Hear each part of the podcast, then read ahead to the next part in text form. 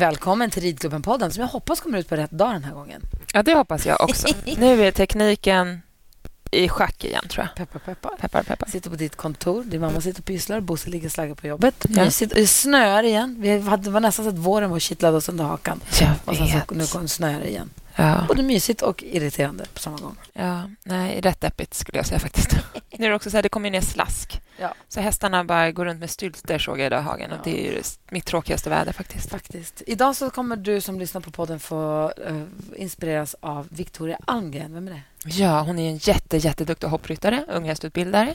Ehm, hon rider väldigt tjusigt, tycker jag.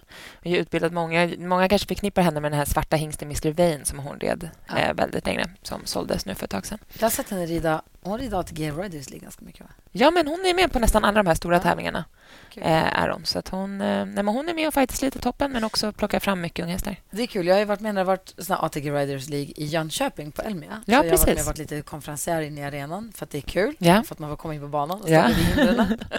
och prata med ryttarna efter heaten som är. Ja. Och då har jag lärt känna några av dem som jobbar på ATG. Så pratade jag med Cissi som jobbar på ATG häromdagen. De ska göra en jäkla kul grej nu. Gothenburg Horse Show är på väg. ja, Det kommer ju snart. exakt. Om en vecka, Ja. eller hur? Exakt. Eh, och då pratade jag med Cissi. De gör en sån jäkla kul grej för att de, ATG fyller 50. Nej. Och då vill de eh, fira det förstås med lite hejsan hoppsan. Ja. Eh, och då vill de ju sätta hästen i fokus som hon säger. Så det är ju hästen som är, allt det de gör, hästen är i fokus på det, hela deras verksamhet ju. ja. Och då har de en välgörenhetsaktion. Som från onsdagen den, vad sa nu, onsdagen den 21 så kan man gå i den här uh, foajén som är där. ja. Så är det vernissage på massa konstverk som konstnärer har fått eh, bidra med. Oh, wow. Och så får varje konstnär välja en organisation som pengarna som det konstverket drar in, alltså pengarna som de drar in, Mm. vilken välgörenhetsorganisation de går till. Som Stall 43, eh, det är eh, Berida Högvakten, Hästambulansen. Gud, jag skrev upp här någonstans. Eh, det är också jo, Stall Kungsgården och Life After Racing. Till exempel. Jättebra ställen ju. Eller hur? Som Man vill Stall pengar till alla 43 dem. som de kolla upp vad det var för något, för det hade jag inte så koll på. Men det är ett ställe för Oj, nu låter här- jag lite här. ja, förlåt, man har hästar och eh, med barn med autism som får vara hos hästarna. Ja, okej. Till Gud, vad exempel. Bra. Och det kan man ju sätta sig in om man vill vara med. Men då i alla fall så från onsdagen så kommer man kunna gå och se på de här eh, verken på plats. Och sen på lördag klockan 13, eller ja, klockan 13, då är det auktion. Online. Aha. Online för alla, även de som är på plats i Göteborg får bjuda online. Alla, all, är det min telefon som tjafsar? Ja, kanske. Sådär. Ja. Även de som är på plats får bjuda online. Och sen Ja. alla som, även om Så det är ingenting som sker på plats, utan Nej. allt är... allt på internet. Allt är på webben. Ja. Menhammars. Vi kan ju länka till den. Ja. För det är kul att kolla ju. Vad heter? Menhammars online sales, tror jag. ja. För då kan man ju gå in och kolla där och följa auktionen om annat. Det är Lena Furberg, du vet Mulle. Ja. Hon bidrar med en akvarell. Mm. Carolina Vugglas har en oljemålning. Det är en, en, hon heter Jenna, tror jag, som tar fantastiska bilder på hästar. Hon har fotat en, en fantastisk bild på en häst i Borgholms slottsruin Oh, wow. som jag typ köpa. Kan man köra, köra ner sin egen häst dit och få Ja. dröm? Nej, men så det finns massa fina saker som man kan bjuda på. Och den här berida, beridna högvakten, Ja. den, det är alltså ett sponsorspaket där man kan få... Det, så här, det heter någonting guldpaket, att man kan få namnge också en av hästarna i beridna högvakten. Nej, kul. Beckis. Gry. Ridklubben-podden. Ja. Ja. Nej, men jag tycker det är en jäkla, jäkla bra grej ändå Jätte. som de gör. Jätte. För att uppmärksamma, för att uppmärksamma som sagt, eh, sin verksamhet förstås men också för att sätta fokus på, på hästarna. Ja. Det känns också som att de är så bra på att bidra till hästarna. Alltså ge tillbaka till hästarna på olika sätt. Ja, alltså, det där ska vi prata med dem om någon gång. För Det känns som när man pratar med dem, nu jobbar ju de på ATG, Ja. det känns som när man pratar med dem om att ATG ger tillbaka så mycket mer till hästsporten och också ridsporten, inte bara trav och galopp, än vad jag vet om. Ja. Men jag vet inte, jag skulle vilja prata med någon någon gång. Det hade varit jätteintressant. tycker jag hade varit jättespännande. Ja. Eh, Så det, det får vi kolla in. Det som sagt, eh, fr- från den 21 finns de, hänger de uppe och sen så på lördagen då så är själva auktionen. Så Mm. det tycker jag ska bli jättespännande att se hur det går. Kul. Vi lägger in, eh, in en länk på vår... 24 februari. Jag tog och kolla datumet. 24 februari så Ja. drar auktionen igång klockan ett. Kul ju. Spännande. Ja. Ja. Hur går det för dig då? Och jag har faktiskt precis hoppat två hästar. Jaså, jag såg det så hinder i ridhuset. Mm. Är det ditt? Det är mitt verk. Nej, men det var kul och det gick bra. Eh, Jag har ju, eh, den här februari kommer vara en månad där fokus tyvärr inte kommer ligga på hästarna. För nu är det mycket som händer i mitt liv. Nu i, På torsdag ska jag få nycklarna till min lägenhet. Så ska vi ha målerihelg hemma hos, och där är den hela helgen. Jag Du ska kommer. också komma och måla. Japp. Eh, Så jag ska renovera en vecka och sen ska jag flytta in nästa helg. Ja. Så nästa söndag går flyttlasset. Liksom. Men då är det väl smart att redan innan bestämma sig för att nu får hästarna backa, eller du får backa tillbaka på hästsidan. Exakt. Istället för att man försöker och inser att det här gick inte och så Nej. känner man sig som att man misslyckades. Precis. Och då får man ju sänka nivån. Alltså, Ja. Då, ja, man får ju liksom sänka ambitionerna lite. Ja. Så det, nej, men det var ändå, jag tycker också att det är bra att jag tar mig tid och rider lite. För man, jag uppskattar också så mycket nu varje gång jag sitter upp att det är så otroligt kul att rida. Ehm, så det var väldigt härligt. Så jag ska rida idag och imorgon. Och sen så ska jag flytta in i min nya lägenhet. Så skönt. Och vi sa, jag och Nicky sa innan att vi åker inte på några tävlingar i februari för att Nej. det är så pissigt och det är kallt. Ja, jag är så inte. Och det är Trött på den här vintern också. Men sen så var det lite fint väder. och så åkte vi ändå iväg. Och så var det, det, var en, det var en sån jättefin vårdag. Ja, Det solen värmde lite och man stod mot en vägg. Och Ja, det var lite mysigt. Och vi åkte lite för långt för bara en lite för låg klass. ja. Det var, det var jättemysigt. Och Gud, vad härligt. härifrån stallet som var där. Och, och sen så var det så himla mysigt. Det var en, en tjej i stallet som var ponny som skulle åkt också. Men så tyckte de inte ponnyn kändes fräsch så de valde att inte åka. Men då åkte de ändå utan ponnyn. Bara för att det var så Nej. många härifrån som skulle dit. Så de ville bara komma och heja på. Men gud vad härligt. Sånt där älskar man ju. Ja. Ja, gud vad mysigt. Och, vi, och Nicky start, vi sa, jag, hon, jag hade grejer att göra på kvällen så hon fick inte ta ett ben helt Nej, jag enkelt. förstår. För då skulle inte hinna hem. Nej. Jag sa vi kan åka om du tar en lätt serie. Jag tycker också att man ska börja med en låg klass Ja. på säsongen. Får bara känna vad man håller på med. Det känns som att det ska också vara kul, både för häst och människa, Ja. första starten. Det ska vara lite för lätt. Utmaning Liksom. utan Nej. en lattjo-grej. Exakt. Så här, komma igång, se till att allt är som det brukar. Att hästen inte blir nervös, att man själv inte blir nervös. Ja. Så det var jättesmart. Nicky, hon älskar, hon tycker det är så kul att tävla. Hon var så här, Ja, vad tyckte det var lite roligt. kul. Och, det gick jätte, jättebra. Peppa, peppa. Eller han, eh, det gick bra. Ja, Eh, Han, de rev sista hindret i omhoppningen. Hon- ja Han gick inte jättefort, så hon kunde svänga skittajt. Ja. Så hon fick en jättebra tid. Men sen så var, rev hon då sista, vilket var faktiskt rättvist. För hon var touchad i några bommar innan. Ja, Så att okej. det var så. Hade man haft... Ja, hade ens motståndare fått så många touchar utan att riva, de hade blivit irriterade. Ja. Men hon var jättenöjd. Och Ja, bara, men vad kan inte härligt. ha nära till ett ben? Jag bara, nej, nu ska vi hem. Nu Mm. lämnar vi det här med den här bra... Alltså hon tyckte det kändes så bra. Så Ja, hon, exakt. Till, hon ville göra det igen. Liksom. ja, men Den känslan är härlig. Den är härlig. Den vill man ju ta med sig. Jätte. Ja.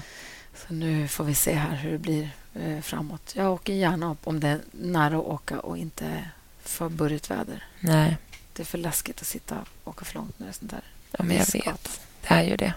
Tycker jag. Det är ju faktiskt det. Och så satt vi där i bilen. Ska vi brodda? Ska vi brodda av? Ska Ja. vi, eller ska vi ha kvar, inte, alltså, ska vi ha på broddarna eller ska vi brodda av? Hur är framridningen? Hur Mm. långt är det? Hur ska vi gå? Höll på med det där hela tiden. Ja. Hur gjorde ni då? Vi sket i det. Ja. Nicky ville att vi skulle brodda av. Ja. Vi sket i det. Ja, Det gick bra. ja Han fick bra grepp i svängen. exakt. Ja, men du, ska vi höra på Victoria då? Gärna.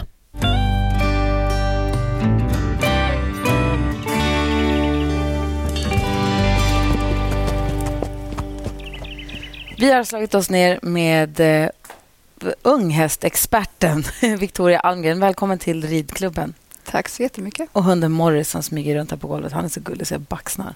Ja, han sjunger också med till fanfarer och prisutdelningar. Det var så gulligt. Ah, han ylar så himla gulligt Johan, när det blir Mm, En prisutdelningsdags. oanad talang.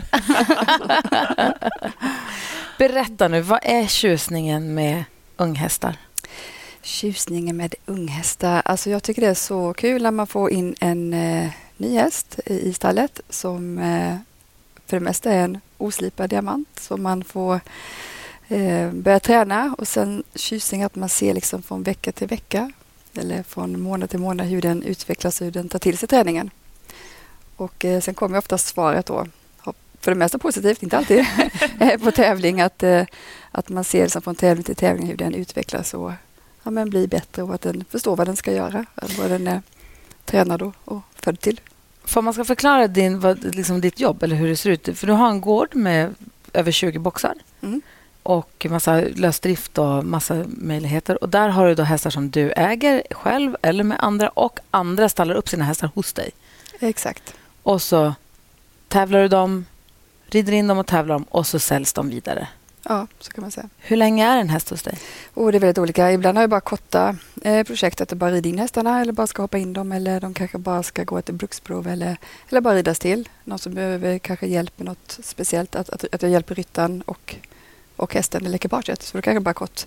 Eh, men de flesta är på längre tid. Jag jobbar liksom helst med, med lite längre projekt eh, med min hästägare.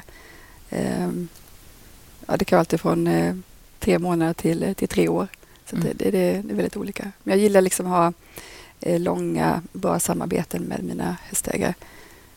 Och det blev ju stora rubriker när du hade, hade tränat en häst som ni sålde vidare till en utländsk köpare mm. som sen sålde vidare den till John Tops för en miljon euro. Mm. Alltså jättemycket pengar. jättemycket pengar. Tyvärr var det inte jag som sålde det sista. Det var inte sista affären var inte min tyvärr. Men, jag var väldigt eh, glad för det. var en häst som kom till mig när den var Eh, fyra, väldigt grön. Han har bara gjort en 90-start som fyraåring. Så han var väldigt... Eh, eh nej, förlåt, han var fem. Eh, det var januari som femåring. Eh, så jag fortsatte utbildningen och, och han gick eh, eh, ja, som femåring och sen som sexåring gick lite unges-VM och så. Och sen, lite unghäst. Lite unga, nej, men, nej, han gick lite unghäst. Klubbtävling. nej, men han, alltså, hans kurva gick så här uppåt hela tiden. Och han blev bättre från vecka till vecka och månad till månad. Och, Kände du direkt när du liksom red på honom att det här är, är något speciellt? Liksom? Eh, alltså inte första gången, för han var ju eh, väldigt grön. Alltså gigantisk i sin galopp, eh, svår att styra och eh, svår att pricka in den. Alltså han var väldigt grön när han kom. Ja. Eh, så att det, det, tog kanske... Ja, men efter en eh, fyra, fem veckor kände jag lite så när han kom in i mitt system. När vi började hoppa lite, lite mer organiserat. Och då kände jag, fastän det här kan vara en riktigt bra häst. Vad är det du ser det på då, eller känner? Men det är känslan att den, dels att den, en känsla att man känner att den är ridbar och att den vill jobba med mig som ryttare, så att den, den gillar sitt jobb, det är en förutsättning. Så. Och sen att den, eh, men man känner liksom när, man, när, man, när de hoppar, alltså att de, de, de vill hoppa och att, att de har ett tryck i hoppningen.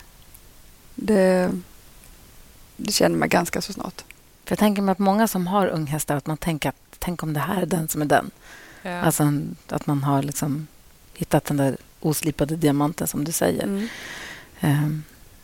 Men, men, så lite generellt tycker jag nog att eh, det finns de hästarna, om man nu ska vara lite krasst, de hästarna som man eh, ser som unga som, som hoppar sådär jätteflashigt. Det är inte, jag tycker inte att det är ofta de som blir bäst, utan de som blir bäst är de här hästarna som, som har rätt inställning och som bara gör, som bara gör liksom rätt saker hela tiden.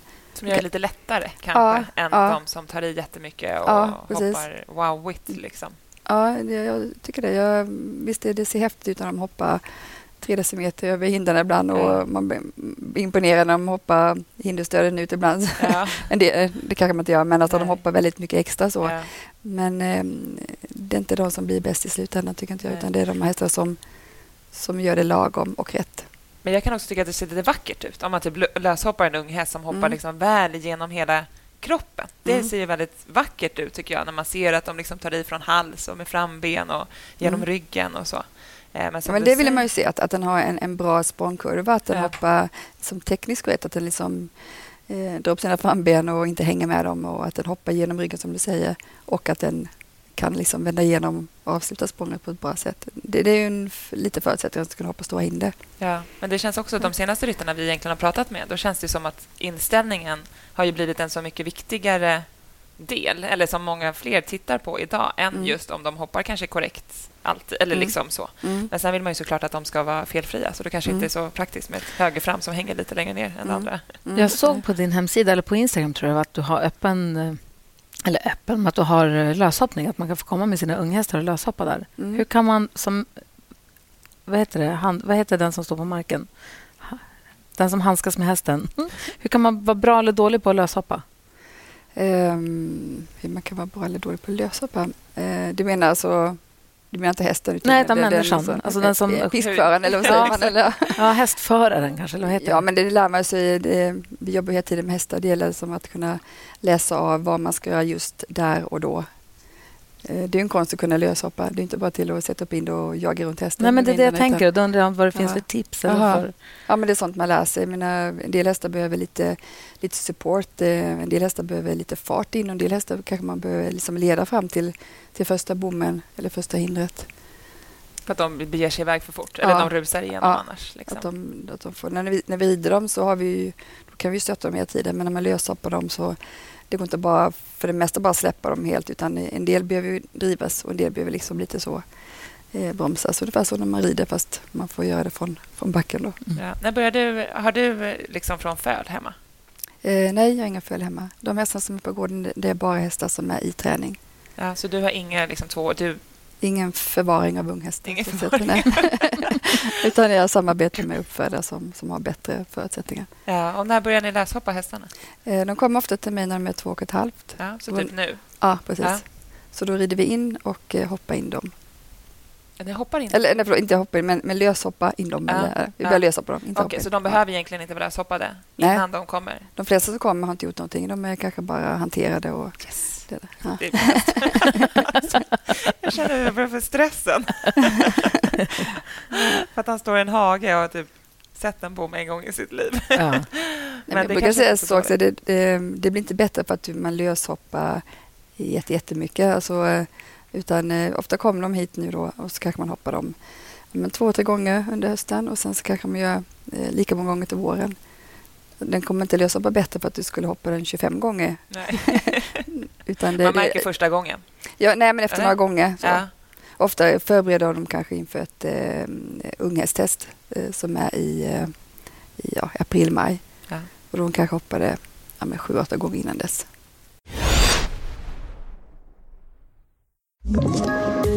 Poddtips från Podplay. I podden Något Kaiko garanterar östgötarna Brutti och jag, Davva, dig en stor dos skratt. Där följer jag pladask för köttätandet igen. Man är lite som en jävla vampyr. Man har fått lite blodsmak och då måste man ha mer. Udda spaningar, fängslande anekdoter och en och annan arg rant. Jag måste ha mitt kaffe på morgonen för annars är jag ingen trevlig människa. Då är du ingen trevlig människa, punkt. Något Kaiko, hör du på Podplay. Därför är Okej. Och då tar ni in dem nu och då bor de på stall medan ni Mm. rider För, för det sitter mesta, inne. För ni, för ja. Man vill ju få dem i skritt, trav och galopp med ryttare. Och när du eller säger nu så menar du sen höst? Ja, exakt. Tidig Jag vinter. För att man vet inte när avsnittet släpps. Nej, det är sant. Det är sant. För jag tänker att de flesta hästarna föds ju kanske i maj, säger vi då, om vi ska dra alla över en kant. Ja, Och då är de ju två och ett halvt här nu på senhösten. I november. Ja. Och då vill man sitta in dem och sen får de vila igen innan man matchar dem för treårstestet. Mm. Jag brukar rida in nu mellan eh, om man säger september till december tycker jag är en bra, eller oktober till december. Det är en bra tidpunkt tycker jag. Och då går de inte så mycket utan bara vi kan komma upp på dem, rida runt i skrittrav galopp. Vi bara ser att de är sadeltama och att man, man kan sitta på dem i, i tre gånger.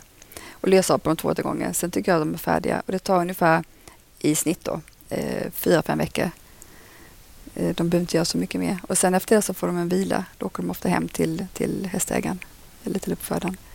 Och sen så sätter man igång dem igen någon gång eh, ja, men i mars, april. Som nästa år då när de är tre. Och så förbereds de för... Och då kommer de eventuellt- ihåg det du har gjort nu. Ja, oh För jag ja, tänker att det oh är ja. ganska nära inpå ett Mm. test då. Ja, ju. men ett par månader innan Ja. de ska visas. Och hur, vad har ni för system när ni ska nu börja hantera hästarna? Eh, de ska eh, ha förtroende. Det har de ofta, eh, för de är ofta välhanterade eller mycket hanterade. Men de ska också ha respekt, att de lär sig att det är jag som är ledaren. Så att, det- och att man börjar kommunicera med hästen. Att man, man börjar lägga på benskydd, man lägger på träns, man lägger på sadel, vi börjar longera dem. Det handlar mycket om, om kommunikation. Så. Att hästen ska lyssna på mig och den ska lita på mig och den ska vilja vara mig alltså vilja jobba med mig. Vara till lags och så. Men när den, är till, Ja. den här perioden när den är tillbaka hos sin uppfödare då, eller ägare, då går den inte bara och dräller utan då är den också att de lägger på ja, grimma och tar in dem och håller på med dem också, även om de inte rids, eller? Ja, men för det mesta går- åker de bara hem faktiskt och så bara vila. Ja. Ibland är det någon eh, ägare som, som kan rida så kanske de rider hästar lite grann hemma. Eh, Men det är inte alla som kan rida eh, unga, unga hästar. Nej. De ju inte rida men kanske... Eller törs. Eller törs, ja, precis. Utan, eh, men men alltså de, ska- eh, jag är noga med att inte de ska göra för mycket. Så det, det är lugnt med din häst. Jo, man får känna stressen. Liksom. Men det, min häst har... Men man ska inte jämföra sig, har vi bestämt. Nej, jag vet. jag vet, jag vet. Men sen där är också hästarna är ju så olika, som du också säger, att vissa Mm. behöver mer eller mindre. Men min häst han var så himla rädd när han var liten. Alltså Mm. jätterädd för människor. Eh, så kom han nära, då sprang han och gömde sig på andra sidan av sin mamma. Och sen i boxen då vände han liksom... Man kände som att han lite... Han förstod inte förtjusningen med människor. Liksom. Nej, okej. Men sen då var han spetsad i hagen av någonting. Ja. Så att han, det var så en centimeter från hjärtat, så han var jättenära på att dö. Så han var opererad på Strömsholm. Och då skulle han ha boxvila. Då var han ett. Ett års hingst med boxvila som också inte älskade människor. I ett stort stall. Ja, för då fick han komma hem till oss. Ja. För där är ändå så här, det hände mycket. Eller så här, ja, det var mest praktiskt att han fick bo hemma. Men då, det var så bra för honom. Mm. Jag tror att det var... För efter det är han... Han älskar människor, han kommer fram, han vill ha kli och han var lite svår att eh, verka. Mm. Så då gjorde vi lite det varje dag för att Mm. han också skulle ha någonting att göra när han stod i den där Mm. tråkiga boxen hela tiden. Liksom. Så då lyfte vi på benen varje dag och raspade lite och så. Så att jag tror, som du säger, man vill ju inte göra för mycket. Och nu var det en olyckshändelse, alltså han var ju tvungen att Mm. bo på box. Men det var... Nej, men alltså, nu efter det så är han så himla härlig. Och då har vi också känt att vi behöver inte göra så mycket mer med honom Mm. nu eftersom att han... Nu, är han, eh, nu har han förtroende. Och, Ja, eller han gillar ju människor i alla fall Mm, och det känns ju som mm, en bra start mm. om de ska vilja umgås med oss. Liksom.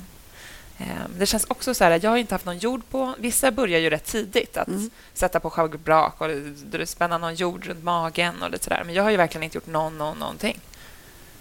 Det är ingen fara. Det är det ingen fara. Alltså de, är, de lär sig så himla snabbt. eh, Som, som jag sa innan, de flesta kommer, de, de är bara ledda gimma och de är ju ofta hyfsat välhanterade så och har förtroende. Och sen det, de, det går snabbt. Man lägger på eh, täcke eh, och sen så lägger man på kanske en jord eller, eller schabrak och sen en jord och sen bara bygger på. dem. de, har de bara förtroende så tycker de för det mesta att det är bara lite spännande och lite kul. Och de blir lite, lite spända men de accepterar väldigt snabbt. Ja, och som du säger, man kanske också ska vända det till sig själv. Att de hästarna är lite nyfikna oftast Mm. ju och tycker att det kanske är Mm. roligt att det händer saker. Mer än att så här, oh, oh, nu ska jag lägga på täcket och han kommer säkert bli livrädd. Alltså, Mm. För då har jag Mm. redan bestämt att Ja. nu kommer han bli rädd när jag Mm. gör så här. Liksom. Lagt, mm, precis. För att komma att tänka på det, du hade ju också förut, du har haft, Lillen var ju ung, Adde var ju ung, Kalisi ung-ish. Mm. Alltså så här, du har ju också en så här unghäst fascination, känns det som. Eller att du lockas till det där. Men jag tror också, som du säger, Victoria, att utvecklingen på unga hästar är ju... Alltså deras utbildningskurva är liksom rakt upp. Det händer ju saker. Mm. Från varje gång man sitter upp så Mm. händer det nya saker. Och det är ju jätte, jätte, jätteroligt. Men det är sån glädje när man har tränat på en sak ett par dagar. Man tycker, men... åh, och sen så liksom tredje, fjärde så bara, okej, det är så här du- jag ska göra. Varför sa du inte det från en gång? Eller från en gång, Ja. från början. Ja, exakt. Nej, men och de är ju också så här... Vår häst som vi hade, hon hade svårt att byta galopp. Mm, Och Då hade vi henne när hon var nio och försöka lära en nioåring att byta galopp. mm. Det är inte jättelätt. Nej, Men då när man sitter upp på unghästen och bara liksom vänder Mm. snett igenom och tänker att nu byter vi galopp. Mm. Och den gör det utan problem. men det är en sån härlig känsla. Det är Nej, en va? sån härlig Ja, känsla. mm. Ehm, så nej, det är jätte, jätteroligt. Mitt största problem just nu är dock att rida rakt fram. Det är ju lite svårare. På. Det är Rent teoretiskt är det väldigt enkelt där med, med rakt, men det är Ja. inte så lätt i praktiken. Nej. Har du något tips på om man har en ung häst, som man, eller en häst överhuvudtaget, om man har svårt att få rakriktningen? Alltså vi jobbar med det hela tiden. Alltså det är något som vi jobbar med verkligen dagligen, det är det med rakrikthästen. Vi kallar det för rakrikthästen. Att få den så liksidig som möjligt. Det är något som pågår från det att man nästan rider in den, kanske inte precis första gången, men, men från att den är riden några gånger eh, till att den går svår hoppning eller svår dressyr. Det heter att jobba med rakriktningen. Det är otroligt viktigt. Mm. Ehm, alltså, hästen har ju som vi en stark sida och en svag sida. Och det är att få den så jämn stark som möjligt, alltså jobba upp den svaga sidan. Eh, sen finns det hur mycket övningar som helst hur man kan eh, få det till att bli rak. Eh, kanske inte ska gå in på här, men, men eh, Men har något tips? Har du någon favoritövning som du tycker är så att det här är bra? Eh, nej, men det gäller att alltså, rider rakt fram, att man hela tiden eh, försöker känna att, att inte bogen buktar ut någonstans eller bakdelen, utan man hela tiden försöker eh, rätta hästen in på, på det raka spåret om man rider rakt fram. Och sen när det är på böjspår, att den, eh, att den ställer sig i halsen och böjer sig i, i bålen eller i kroppen. Så att den hela tiden spårar, alltså att eh, bakhovarna följer fram, framhovarnas spår. Men om du, om du jobbar på rakriktningen, då, har du, lägger du, rider du mellan bommar eller har du någon sån här... Nej, känner, man känner ofta det. Ja. Alltså, jag behöver inga bommar. Nej. Det kan jag ha såklart om jag, om jag hoppar bara för att stötta upp hästen. Men om jag bara rider in på kanske eh, kvartslinjen som är en, en väldigt bra Mm. väg. Eh, då, då känner jag liksom vad jag har min häst, att man försöker få den att bli rak. Sen om man eh, vill dubbelkolla så kan man ju såklart ha en spegel. Det är inte alltid lätt att känna om man inte är så van. Men då är det bara att ha en spegel som man... Spegeln ljuger sällan. Men jag brukar också säga det, att spegeln är den bästa extra ridläraren. Ja, Alltså, det är faktiskt jättebra. Den är jättebra, för det är som du säger, det är inte alltid så lätt. Jag vet, jag hade Mm. problem med en hand som jag hade lite högre än den andra. Men det kände ju inte jag. Eller jag, Nej, tyckte, nej. jag märkte ju inte det. Nej. Och då var man också lite frustrerad när de så bad mig sänk höger hand, sänk höger Ja, hand. men spegel och och, så såg man det i spegeln. Jag bara, men gud. Ja. Så då måste man också så här, lite kalibrera om sig själv. Mm. Eh, för man har gjort på ett visst sätt. Just med rakrikta, eh, jag rider nästan mer eh, på liksom böjda spår när jag rakriktar hästen. Just det att jag känner att den, att den spårar, att den följer spåret. Eh, med både inte fram och en bog bakdel. som faller in eller en bakdel som Nej, men precis. svävar ut. Liksom. Så att den, är, att den böjer sig lika mycket i båda varven. Inte, alltså lagom, inte för mycket. Nej. Och så den här viktiga, viktiga yttertygen Ja, som alla tjatar om. Att man verkligen har hästen på yttertygen. ja. När du ska börja hoppa in hästarna sen, Mm. har du något system för hur du gör det? Eh, ja, men det har jag. Hur ska jag Eh, göra? ska jag-. Nu ett år fram här med den.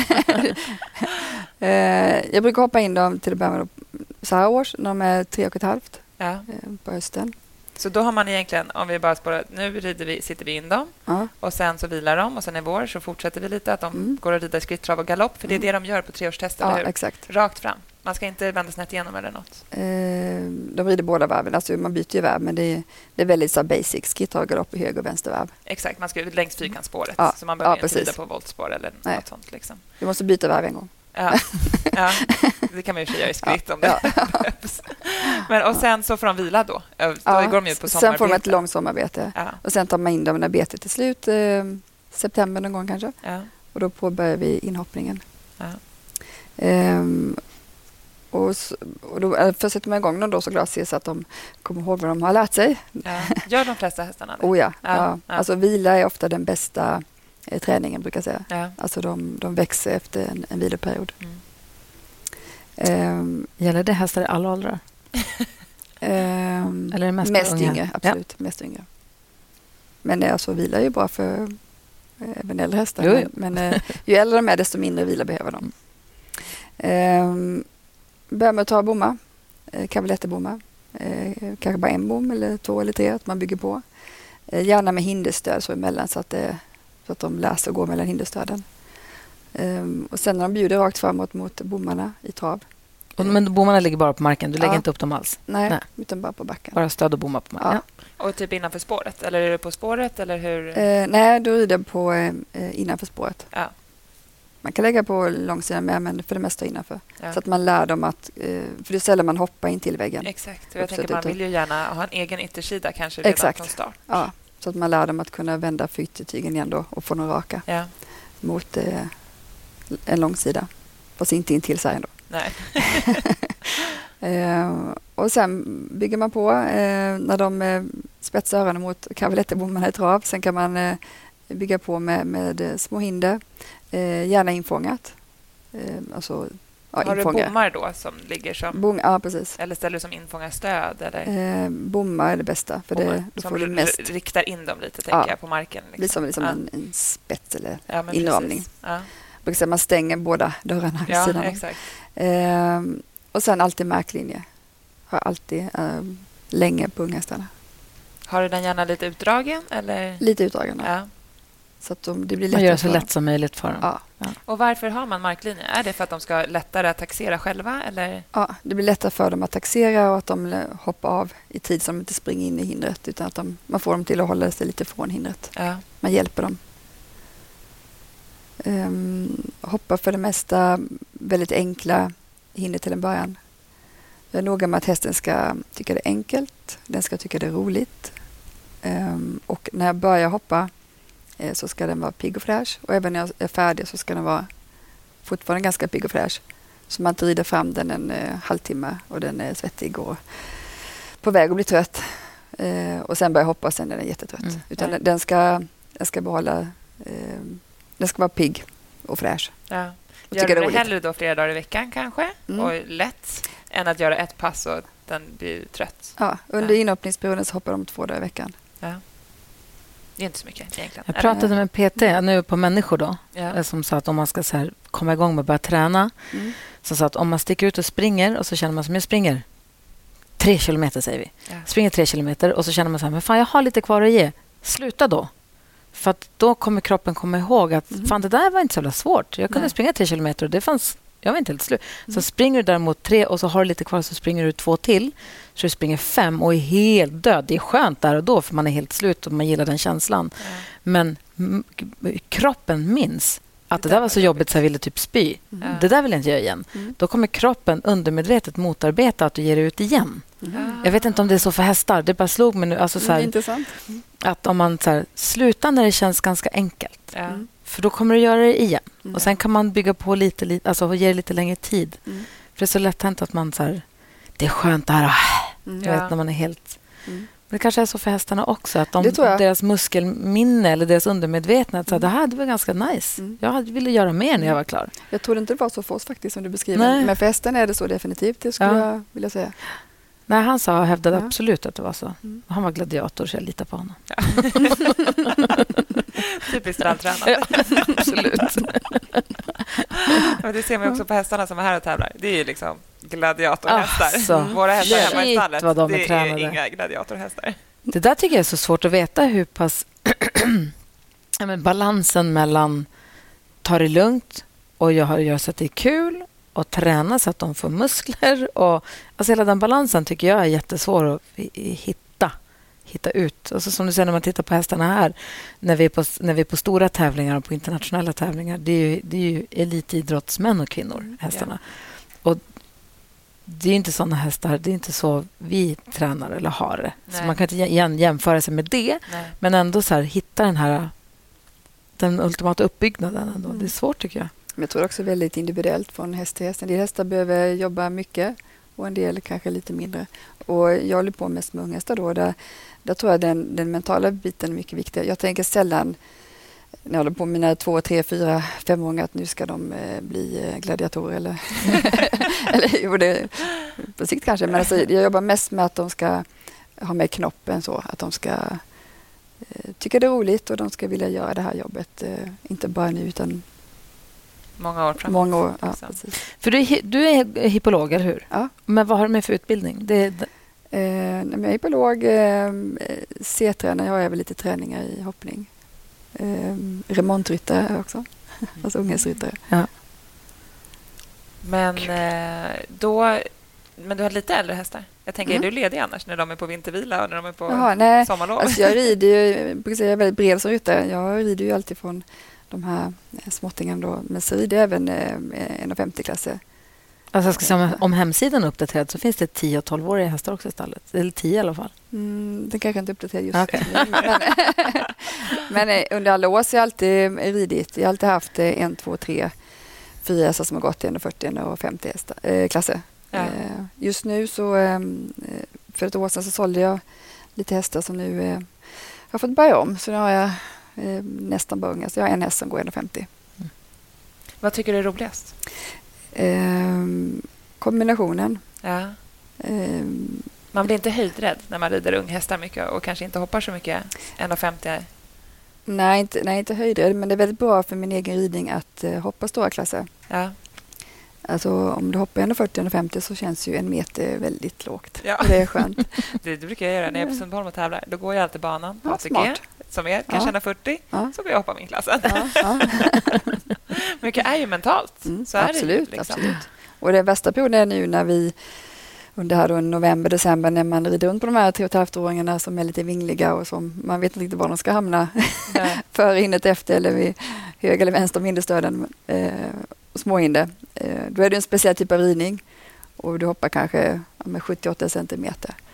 Och sen ska man in och hoppa 1,40 och då känns 1,40 eh, stort. Men man är också kanske glad att man sitter på en annan häst än Ja, jo, ja, ja. Jo, tack och lov. Men eh, vad som är roligast, eh, det är klart det är kul att hoppa stora klasser och jag har ju tagit eh, medalj på senior-SM och det är ju jätteroligt. Det är lite internationellt och sådär. Eh, men det är en speciell känsla när man har tränat upp sin unghäst som man har haft från inhoppning. Man har ridit fyra års och fem års och kanske sex års och så går man in och så vinner den i Falsterbo eller vinner i, i, eh, i Breeders eller om den går unghäst-VM. Det, det är en speciell känsla då när man har varit med hela vägen och gjort en resa med, med unghästen. Det måste vara helt fantastiskt. Ja, det måste verkligen vara helt fantastiskt. Det måste vara som Ja. ett kvitto också på att det man gör är rätt. Liksom. Ja, det, ja det, det är väldigt härlig känsla. Ja, för du hade ju också tagit upp en egen uppfödning till 1,50. Eller har jag läst fel någonstans? Har du inte fött upp några hästar? Eh, jo, Jo, det har jag gjort. Eh, det måste också vara en... ja, För den här två och ett åringen, det är min första egna ja, ja. Och det känns ju också, det blir lite som ens barn. Ja, liksom. Man vill ju gärna att den ska Mm. lyckas. Mm. Och så jag kan ju föreställa mig lite så här, första Mm. tävlingen jag ska göra på den hästen som jag har liksom gjort allt själv med. Men jag vill att det ska bli bra. Jo, men det är speciellt när man varit med från början såklart. Från att den var, kom ut ja. och sen följt den hela vägen. Och men jag har följt upp lite grann. Nu följde jag inte upp jättemycket men eh, jag har haft några som har blivit väldigt bra. Har du någon det- sån här drömstam? Drömstam. Eh, Det är inte så mycket Nej. för stam, läste jag någonstans. Nej. Att, vad sa du? Jag läste en artikel där du sa att det, på de här fina hopphästarna så är stammen inte så viktig, sa du. Mm, alltså på unghästar så är det såklart. Om du, om du kollar efter unghästar och du ska köpa en unghäst så är det klart att kolla på stammen. Mm. Både, både för pappa och för mödrarna. Men eh, sen om du ska köpa en äldre häst som har tävlat då spelar inte stammen roll utan det är vad den har gjort. Eller vad den gör och vad den har gjort som är intressant. Vad som någon sa, passet kommer ändå bara ligga i lastbilen. Nej, det är klart eh, stammen spelar roll. Men, men eh, ju äldre den blir ju mer på stet desto mindre betydelse har det såklart. Mm. Men om de då är unga, vad var det du frågade om stammen? Ja, men om du har någon drömstam? Ja. Är det någon som så här, om Nej, du men det- läser stammen, då bara den där vill jag titta på? Ja, men jag tycker det växlar lite, lite beroende på vad man eh, har haft för hästar hemma och vad man har sett ute på tävlingsbanorna.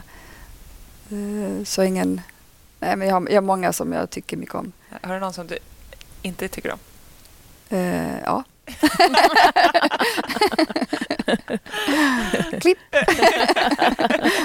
Nej. Men det har ju nästan alla, det har jag också. Ja, alltså, för man har ju stött på några hästar i livet som kanske har haft samma pappa Mm. och inte varit superhärliga. Mm. Och då blir det ju att man drar öronen åt sig Visst då, om man stöter på en sån igen. Liksom att jag har träffat några såna som inte var så härliga och då vill man kanske inte... Mm. Jag tittar inte ens på såna. Nej. Alltså skicka någon en häst och så har den den stammen, då tittar jag typ inte ens. Mm. Nej, men jag, vet, jag, jag har haft hästar hemma som man har haft i träning eller man har bara sett på tävlingar och så, nej, men man gillar inte vad man ser då. Det är klart det präglar en. Ja, Mm, ja men såklart. det gör ju såklart det.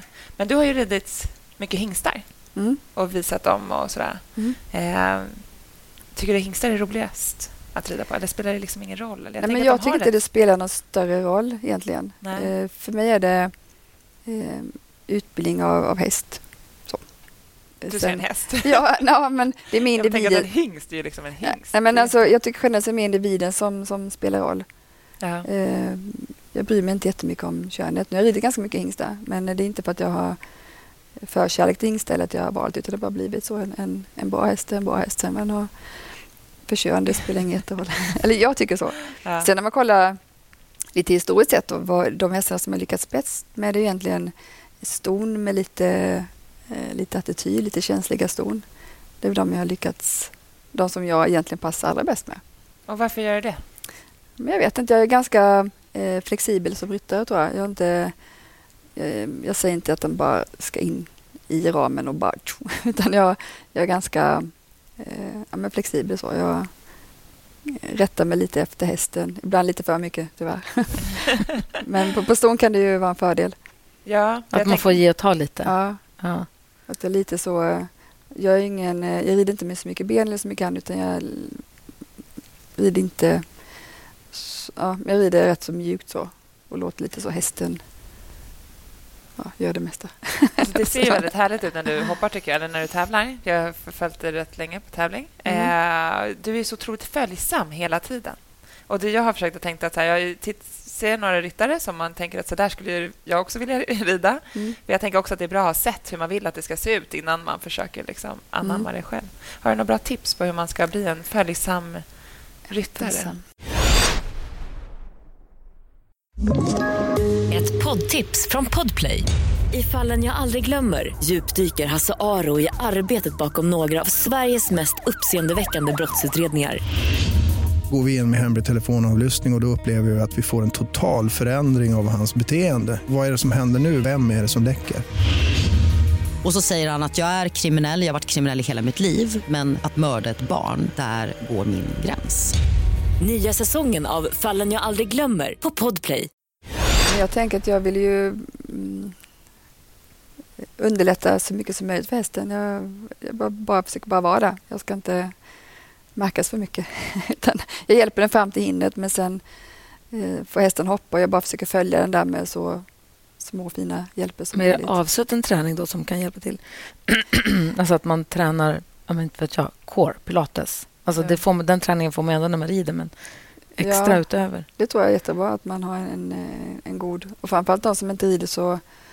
eh, Alltså träning är alltid bra men eh, de som kanske bara har en häst eller två hästar tror jag det är viktigare att man, att man tränar parallellt. Tränar du avsuttet? Jag går lite på gym och försöker hålla igång. En sak som jag, nu hoppar inte jag längre, men en sak som jag all, alltid hade svårt med när jag hoppade var ju avståndsbedömning. Det var ju jättesvårt för mig. Mm. Och då är det ju jätteskönt med en häst som kan hjälpa till med det där. Mm. Ju. Hur, om man utbildar en ung häst, hur hjälper man dem att bli bra på avstånden? Men jag försöker att... Eh, alltså jag försöker hjälpa hästen så mycket som möjligt. Faktiskt. Jag hjälper den fram till hindret men sen när jag kommer fram så, så låter jag den vara så att den kan liksom sänka huvudet, spetsa öronen och eh, göra det där sista jobbet själv. Eh, ibland kommer de mot hinder, ibland ligger lite stort, ibland ligger lite, lite nära. Om jag bara försöker vara lite så stilla, supporta hästen med lite skänkel, med mjuk hand, gärna lite låg hand, eh, precis framför med ett eller två språng innan så, så kommer hästen eh, lära sig att tänka själv där. Jobbar du mycket med rytmen då? Att du försöker bibehålla samma rytm hela tiden Mm. och så får hästen ta hindret lite där hindret står? Mm. Eller tänker du att du försöker vidga vägen så att du får en bra distans? Eller hur? Alltså, jag tycker det är så obehagligt att eh, komma på de här mellanlägena, de här fem och ett halvt. Ja, det är eller? inte härligt. Det är inte kul. Så att, eh, alltså när vi rider, vi, vi försöker såklart eh, eh, hjälpa hästen med att hitta en bra språngpunkt. Så. Men, men eh, A och O är att ha en, en bra galopp, en, en bra rytmisk galopp eh, i anridningen. Så, att du bara stöttar den. Och sen eh, när man kommer fram sen det är ju, du ligger ju sällan perfekt utan ibland ligger du lite, lite stort, ibland lite, lite nära. Om du, men om du bara har en rytmisk galopp och sen bara liksom support hästen på slutet så, så brukar det lösa sig. Jag hade också säga att proffsen säger att man ligger sällan perfekt. Nej, men det, jag är expert det, på ja. och ett halvt. Alltså, fy fan vad obehagligt det är. jag tror också att man gör det lite för komplicerat. Ja, säkert. Och där jag tycker typ att det är nästan härligare att rida unghästar för då gör det mycket mindre komplicerat. Mm. Att man liksom bara försöker vara i rytmen. Mm. Eh, och att Ja, man är kanske... det lågt är det också lugnt. Och så kan man ta ett lite stort språng. Eller komma. Mm. Alltså då, Jo, fast på en unghäst är det ju inte alltid Nej. det känns lågt. Eller förstår Nej. du? För det är också så här, man vet ju inte alltid hur de hoppar. Ibland hoppar de som att det är 1,30 Mm. och ibland hoppar de knappt alls. Som man mantag. Det gör jag ofta. Ja, gör så tandrem. Eh, Malin bara, jag har inte lärt mig att det heter. Ja, men, du har inte bara hoppat med den ännu? jo, Jag har du gjort det nu? ja. Ja. På unghästen har jag det alltid. Ja. Det, ja. Måste. Men det är också för att jag vill ju aldrig hamna i ett läge där man råkar dra dem i munnen. Nej, Alltså det är då- no, no. It's a big no-no. Mm, mm. Så då tänker jag också att det är bättre. Och det är inte alltid den där manen. Att det är så lätt att få tag på den. Liksom. Så jag brukar alltid ha en liten hand i den där tandremmen som man har en livdina. Du har en tandrem alltså? Ja. Jaha. ja, jag tar manen. Det tar manen. så brukar jag få dra bort eh, manen från handskarna sen. Varför har din häst ingen man?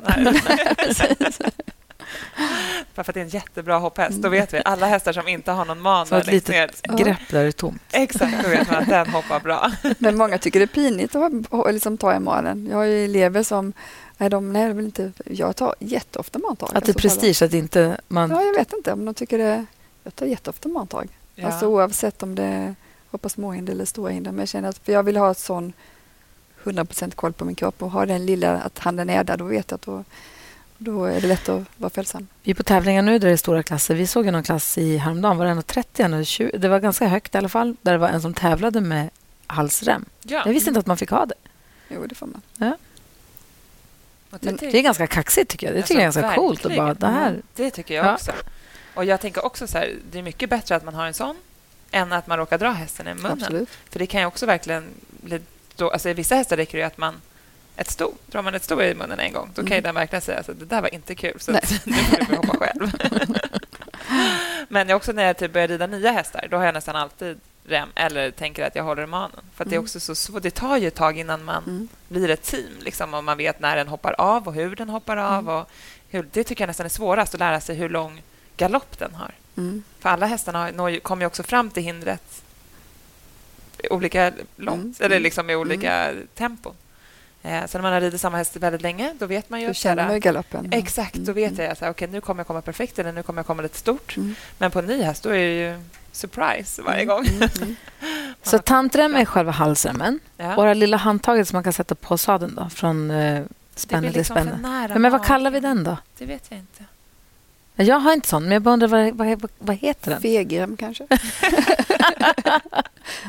det sa man alltid på Flyinge, det är fegrem. Den, den, ja. den lilla? Ja. ja. Men jag tänker, det har många som rider in unga hästar, kanske. Mm. Eller med dressyrryttare, har jag sett. Ja. Men typ så här, eleverna på ridskolan. Jag försöker ha såna där på ridskolesadlarna. Mm. För det är också mycket bättre mm. att de håller ja. lite balans i en sån än i tygen. Mm. Och där kan också manen bli svårt för dem, för att då hamnar de lite för långt fram. Liksom. Eh, nej, jag tänker att alla såna där som man underlättar för hästen mm. är ju ja. bara positivt. Mm. men alltså, en halsrem är en jättebillig försäkring. Verkligen. Så att då, jag vet när jag började rida in för många år sedan, då, då, tyckte jag det var lite fånigt med, med en sån fegrem. Ja. Eh, men sen när man haft ett par hästar som, som är lite svåra, då eh, det är himla skönt att man känner att oh, nu vet man inte riktigt vart det är. Då kan man bara ta det här handtaget. För tyglen kan du inte ta i, för den, när de rider så lite så har de ingen mun. Alltså, Nej. kan inte, de är så vingliga. Du kan dra bäst du vill, det kommer inte hända så mycket ändå. Ja, eller så händer det alls ännu värre. Ja.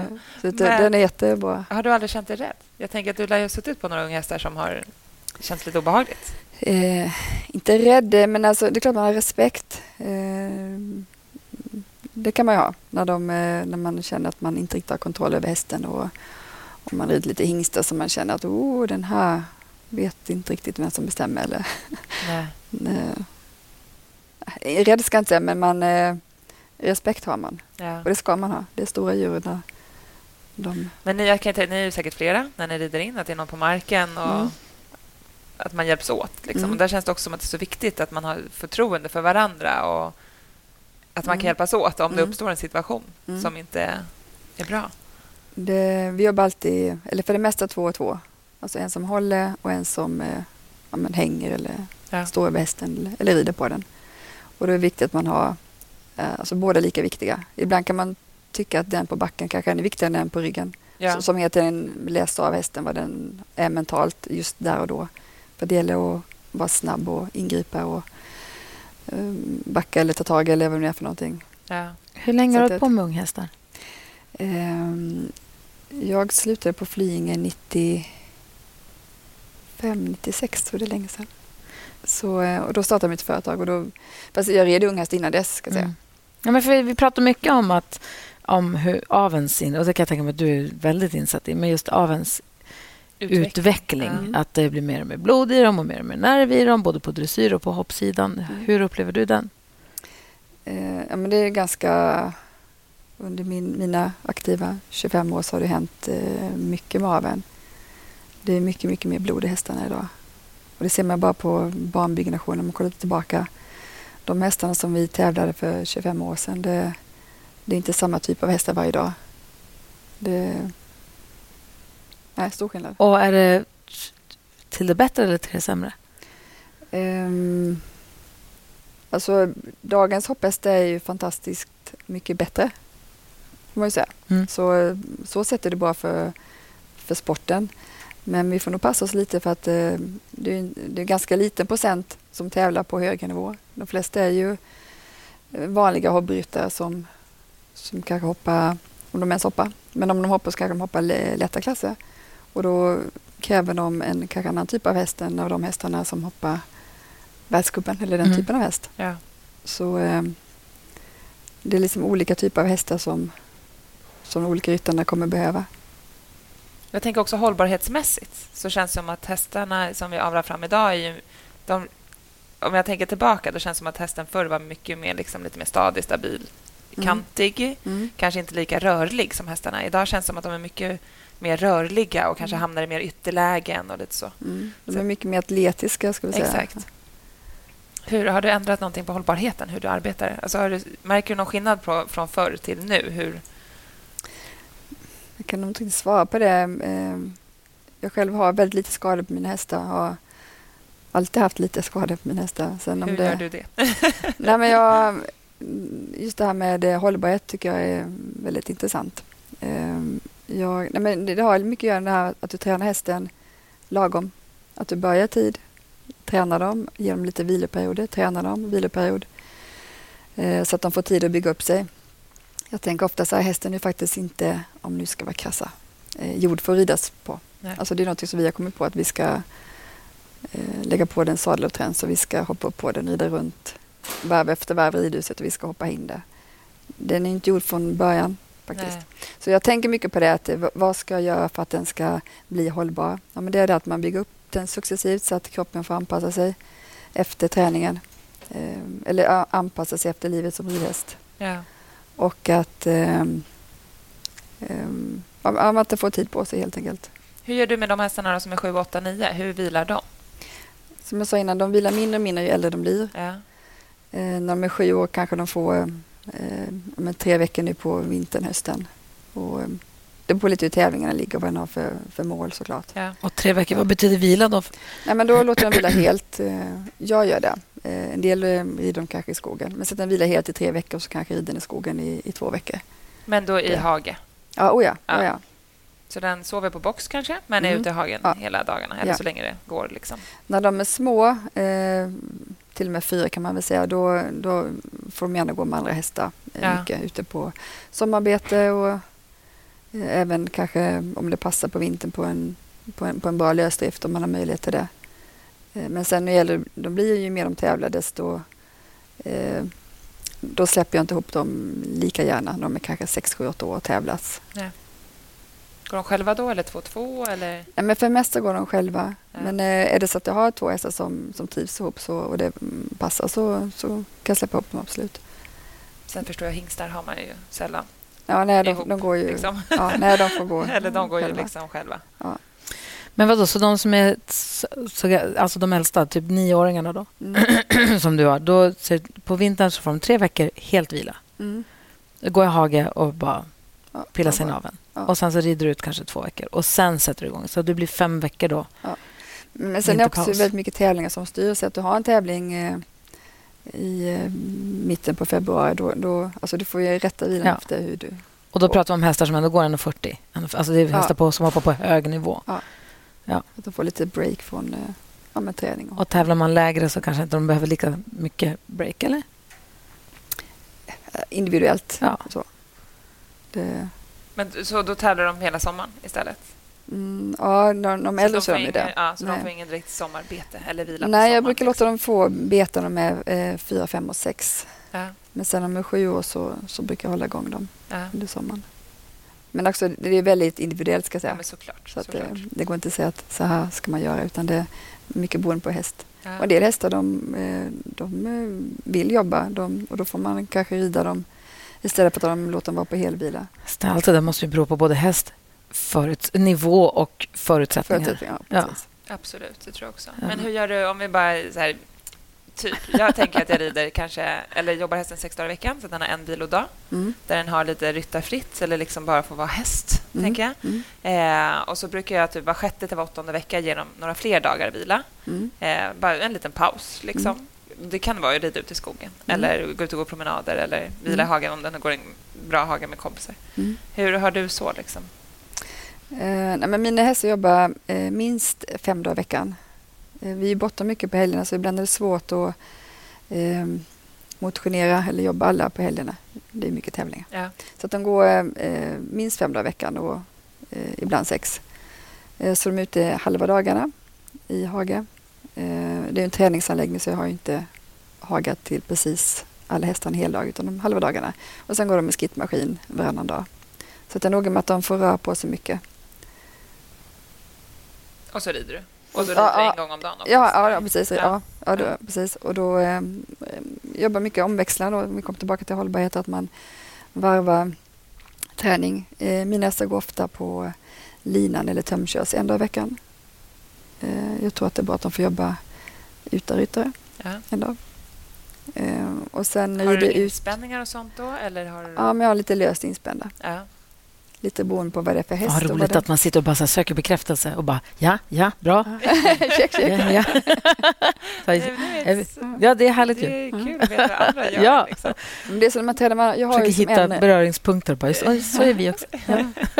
Jag, jag gillar själv att longera. Jag älskar att stå och titta på Jag hur, med. hur hästarna jobbar. Jag älskar också Mm. att longera. Jag tycker det är... Tömköra, okej, ja, det är svårt tycker jag. Gud, jag är tvärtom. Jag tycker Jag tycker longera är tråkigt. Jag tycker tömköra är mycket roligare, men det är lite bökigare. Liksom. Men när man får en bra kommunikation med hästen när man longerar, man Mm. kan typ titta på dem och så Mm. fattar de galopp. Ja. Och så bara backar man av lite och saktar de av. Alltså, Mm. Det tycker jag är så Mm. häftigt när man får den kommunikationen Mm. utan att man... Nej, men, och så gillar jag att bara stå och titta hur den rör sig. Man jämför högervarv med vänstervarv. Man ser liksom rörelsesystemet. ja, Jag tycker det är, jag longerar väldigt gärna. ja. Och då är det en av de där fem dagarna. Eh, Så ja, du rider fyra ja, dagar i veckan? Fem eller sex dagar, ja. Precis. Och då vilar de helt de två dagarna? Eh, ja. Eller en dag? En eller en, eller två? ja. Mm. Eller gå i skrittmaskinen. Ja.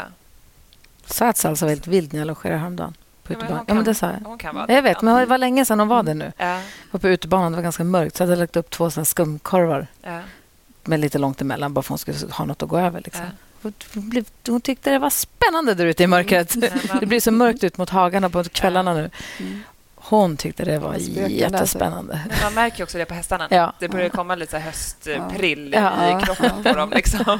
Många hästar älskar att bli longerade. Man kan tycka att det är med tråkigt springa men många hästar tycker det är skitroligt. Ja. Eller de, de gillar det. Och, då, Ja. och en del tycker det är jättetråkigt. Så man lite så styr de hästarna som inte är jätteroade kanske man longerar lite mindre. Det är ett ganska stort ridhus också, så har man tur och är ensam så kan man verkligen så gå med. Alltså så att man behöver inte gå på en liten snurr utan man kan liksom Mm. få dem att gå lite större. Härligt. Ja, det tycker jag Nej, också. men det är också någon longerat inte man för liten volt. Bra underlag och så stor volt. Ja. Ja. För ju mindre volt, ju mer slitage såklart. såklart. Ja, det är så intressant. Mm. Mm. Ja, och vad framåt då? Vad har du för planer? Eh, framåt, eh, jag ska på semester. De där fem veckorna. Eh, det, man får passa på nu när det är eh, snart november, december. Då får man åka iväg på solsemester. Sen är det svårt när det är full tävlingssäsong. Ja. Nej, men eh, som sagt, jag har inte så mycket hästar som går större nu. Jag har en häst som går 1,50. Så att jag har mycket fyraåringar, femåringar. Så att jag kommer lägga tid under vintern och bygga upp dem. Och förhoppningsvis har jag lite fina hästar om ett eller två år. Det är lite så unghästryttarens eh, Intervall. Ja, ja men rätt väl så har man många hästar som går lite större och sen så säljs de eller så försvinner de och då får man börja om. Och Om man är nyfiken på dig och skulle ha en häst som man vill ha hjälp med, Mm, då går man in på din hemsida och kontaktar dig bara. kan man göra. Ja, det går bra. Det står väldigt tydligt vad det är för deal där på hemsidan. Ja. Mm. Jag har hört in och kollat. Ja. Jag har snott från någon annan hemsida. Det är väldigt tydligt hur det, liksom, hur det funkar. Jag tyckte det var väldigt... Ja. Jag gillade det. var, Inga överraskningar. nej. Jag kanske får eh, kalla kåra här snart och inte våga göra det här själv. Va? kanske jag ringer. Ja, jätteroligt att få prata med dig. Och Vi kommer fortsätta följa dig på tävlingsbanorna. Och sen så som sagt, vi kanske Rebecka hör av sig med något paniksamtal. Eh, lycka till och tack så jättemycket. Tack så jättemycket.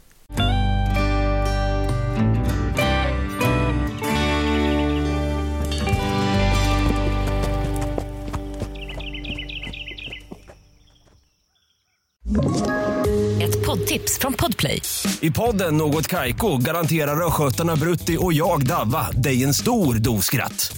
Där följer jag pladask för köttätandet igen. Man är lite som en jävla vampyr. Man har fått lite blodsmak och då måste man ha mer. Udda spaningar, fängslande anekdoter och en och annan arg rant. Jag måste ha mitt kaffe på morgonen för annars är jag ingen trevlig människa. Då är du ingen trevlig människa, punkt. Något Kaiko, hör du på Podplay. Därför är gardinerna.